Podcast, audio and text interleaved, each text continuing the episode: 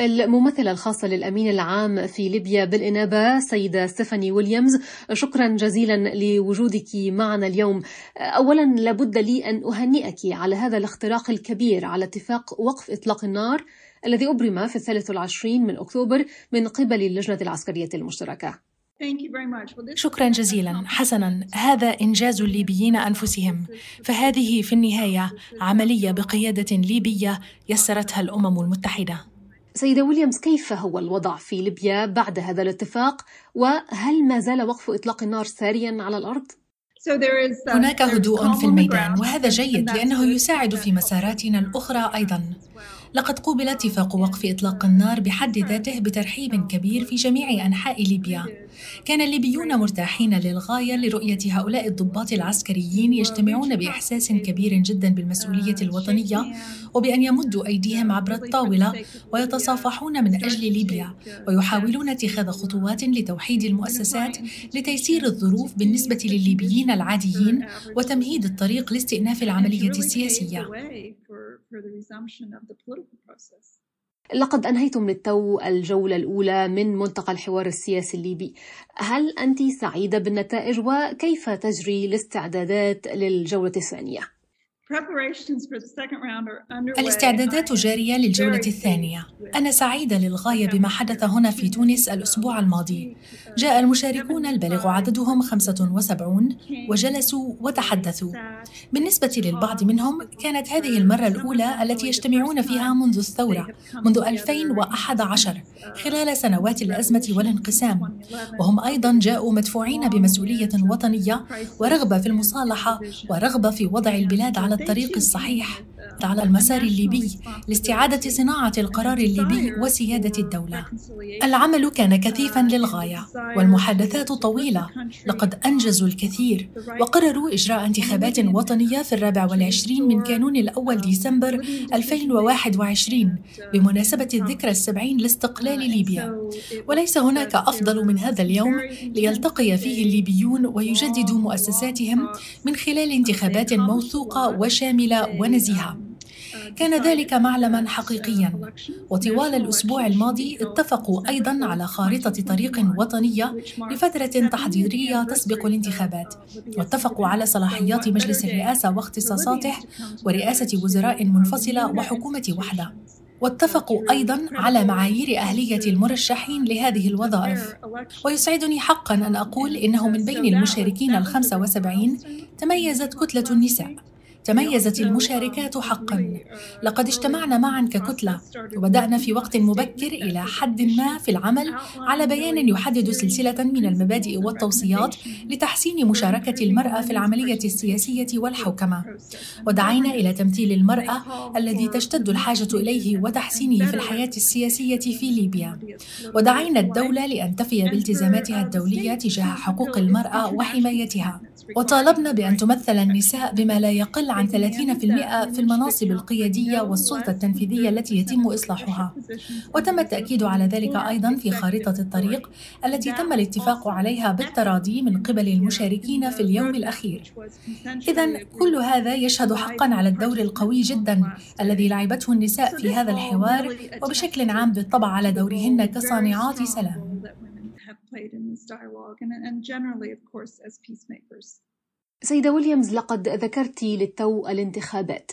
آه، لقد وافق 75 مشاركا ليبيا في ملتقى الحوار الوطني بالتراضي على خارطة طريقة لانتخابات وطنية ذات مصداقية وشاملة وديمقراطية ستعقد في الرابع والعشرين من كانون الأول ديسمبر 2021 آه، أريد أن أعرف ما هو الدور الذي ستلعبه بعثة الأمم المتحدة للدعم في ليبيا في هذه الانتخابات كيف ستيسر أونسمل هذه العملية؟ Uh, uh, بالطبع نحن ندعم اللجنة الوطنية العليا للانتخابات التي هي بالطبع الهيئة الوطنية السيادية في ليبيا والمكلفة بتنظيم الانتخابات. لدينا علاقة طويلة الأمد مع اللجنة الوطنية العليا للانتخابات ونوفر لها الدعم. كما نعمل بشكل مباشر مع السلطات وحكومة الوفاق الوطني لضمان دعمها للمفوضية من خلال تمويل عملياتها. ويسرني أن أقول إن حكومة الوفاق الوطني قد أعلنت أعلنت أمس 17 نوفمبر أنها ستبدأ بالتمويل اللازم للمفوضية. إذا سندعم الفريق الليبي ومفوضية الانتخابات وهي تقوم بالعمل الصعب الذي ينتظرها لتنظيم هذه الانتخابات الوطنية التي يتوق إليها الجميع. تحدثت أيضا عن النساء والدور الذي لعبنه. ما الذي تفعله بعثة الأمم المتحدة للدعم في ليبيا؟ لضمان تمثيل ومشاركة الليبيات في الانتخابات وكذلك في المشهد الليبي السياسي بشكل عام. حرصنا على تمثيل المرأة الليبية بقوة في الحوار السياسي كما تم دمجهن في الحوار الاقتصادي. فيما يتعلق بما نقوم به فإننا نسهل تشريعات تراعي الفوارق بين الجنسين وتشريعات شاملة للنوع الاجتماعي ليتبناها البرلمان الليبي. ونعتقد أنها ستمكن النساء المرشحات من الوصول إلى المناصب بشكل أفضل وستساعد أولئك اللواتي سيترشحن بلا شك للبرلمان. كما نقوم بتسهيل الانتخابات المحلية والانتخابات البلدية التي كانت تجري حتى خلال فترة النزاع وخلال كوفيد. إن النساء والرجال الليبيين مصممون على حق الانتخاب لانتخاب ممثليهم على جميع مستويات الحكومة. حسنا لنبقى في نفس السياق سياق المرأة. وهذا السؤال عنك أنت. فأنت من يقود الجهود برمتها في هذه العملية. أود أن أعرف ما مدى أهمية تسخير إمكانات المرأة في جهود بناء السلام وصنع السلام؟ إنه لأمر مهم ويجب أن أقول عندما ندعو النساء إلى الطاولة مثل ما حدث في الحوار السياسي كان معظم المحامين في الغرفة من النساء. فمثلا فيما يتعلق آه، بصياغة الوثائق فقد عمل الليبيون أنفسهم بشكل مكثف على المستندات. إذ لدينا لجنة الصياغة تم تمثيل النساء فيها وهن يدققن في جميع الوثائق للتأكد من توافقها مع التشريعات الليبية القائمة. لدينا أيضا مناصرون لحقوق الإنسان من النساء اللواتي يعملن دوما على أن يكون ما نبنيه هو عملية صحيحة. عندما تتحدث عن الظروف الأمنية وبعض الفوضى والإفلات من العقاب الذي لا يزال سائدا في ليبيا فإن النساء حقا هن من يسردن القصص فأبناؤهن هم من يخرجون ويقاتلون في النزاعات وهن من يعشن في مجتمعات يلفها العنف وانعدام الأمن إذا النساء يضفين لمسة إنسانية على ما يمكن أن يبدو أحيانا أنه سرديات غير متسقة. أعتقد أنهن يستحققن بالفعل وزنهن ذهبا عندما يتعلق الأمر بوجودهن على طاولة المفاوضات. ولا بد لي من القول إن الرجال بدأوا في تقدير ذلك أيضا. هناك اختلاف كبير بين مواقفهم في بداية ونهاية الاجتماع واعتراف بأن النساء يمكن أن يكن فعالات جدا في صنع السلام. سيدة ويليامز نعلم جميعا أن مسألة النفط تؤثر على الاقتصاد الليبي. لقد اجتمعت في السادس عشر من تشرين ثاني نوفمبر مع الأطراف في البريغا. حيث تم إطلاق عملية لتوحيد حرس المنشآت النفطية وإطلاق مشروع جديد وهو قوة حماية النفط.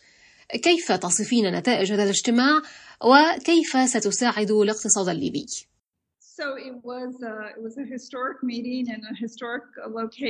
كان لقاء تاريخيا في موقع تاريخي. البريغا هي منطقة الهلال النفطي الليبي حيث تدفق النفط لأول مرة في ليبيا في الستينيات. Uh, وكان رئيس المؤسسة الوطنية للنفط هو من اختار البريغا لهذا الاجتماع.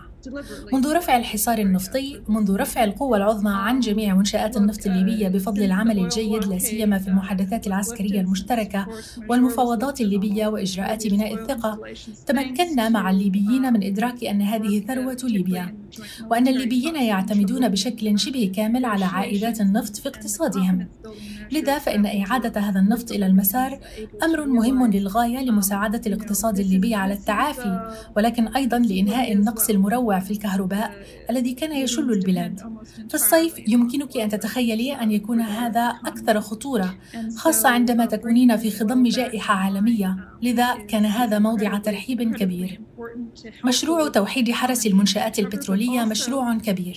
ما فعلناه هو أننا جمعنا آمري حرس المنشآت النفطية في المنطقتين الشرقية والغربية. ولدى المؤسسة الوطنية للنفط مقترح لتأسيس قوة لحماية النفط. ووصف آمرا حرس المنشآت النفطية الظروف التي يعملان في ظلها وحجم قواتهما. وحقيقة أنهما على اتصال هو أمر جيد.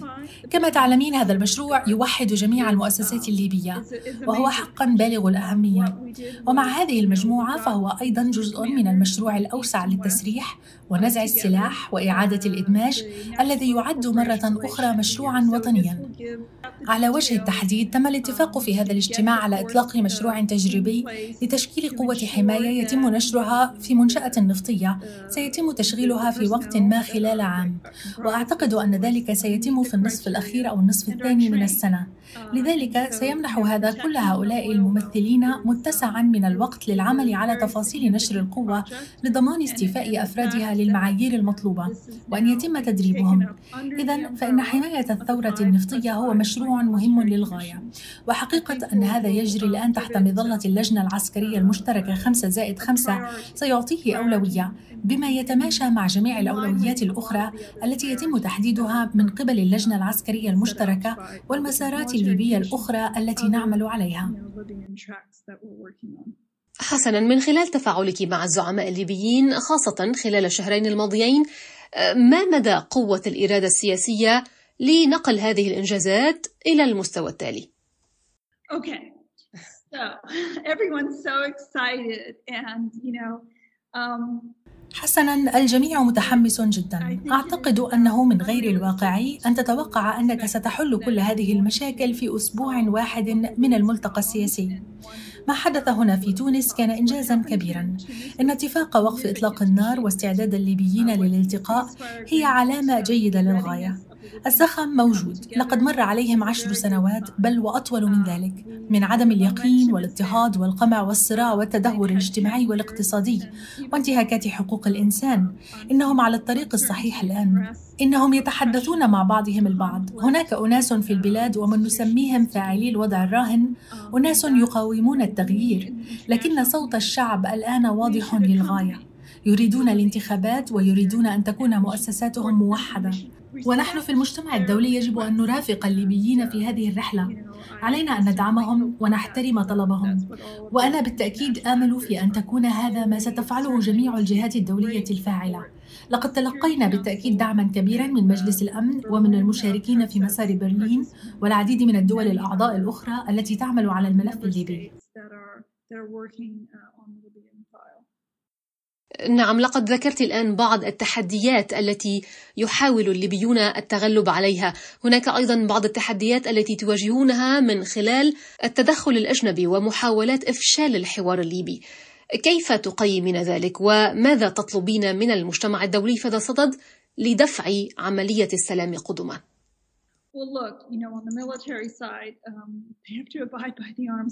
على الجانب العسكري علينا الالتزام بحظر الأسلحة. نعم، هناك أرضية مشتركة. نعم، الليبيون يعملون من خلال اتفاق وقف إطلاق النار. وقد اجتمعوا في سرت الأسبوع الماضي حيث أنشأوا مقر اللجنة العسكرية المشتركة وأعلنوا عن خطط لإعادة فتح الطريق الساحلي بين مصراتة وسرت. هذا مهم جدا بالنسبة للليبي العادي. هكذا يتجولون في البلاد، هكذا يزورون أقاربهم في الشرق أو في الغرب ويفضلون أن يسلكوا الطريق الساحلي فهذا أسرع طريق وهناك يتم استلام البضائع. إنه شريان حياة حيوي في البلاد. ولكي يتمكن الليبيون من القيام بأدوارهم في إخراج العناصر العسكرية من منطقتهم والعنصر الأجنبي أيضا موجود في اتفاق وقف إطلاق النار ويجب أن يغادر. كل هذا في سياق احترام حظر الأسلحة وعدم إرسال المزيد من المعدات العسكرية والأسلحة إلى البلاد لقد قام الليبيون بدورهم وعلى المجتمع الدولي الآن القيام بدوره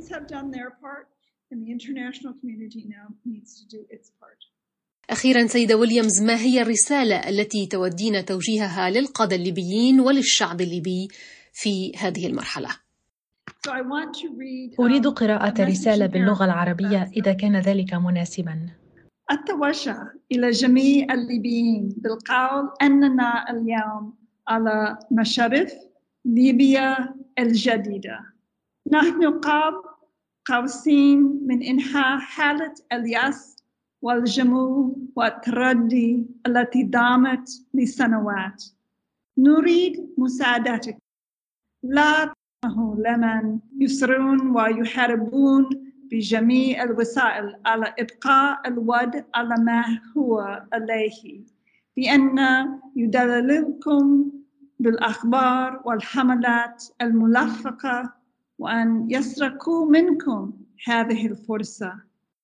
أنتم من تعانون وأنتم من يكرر مسيركم ومستقبل بلادكم.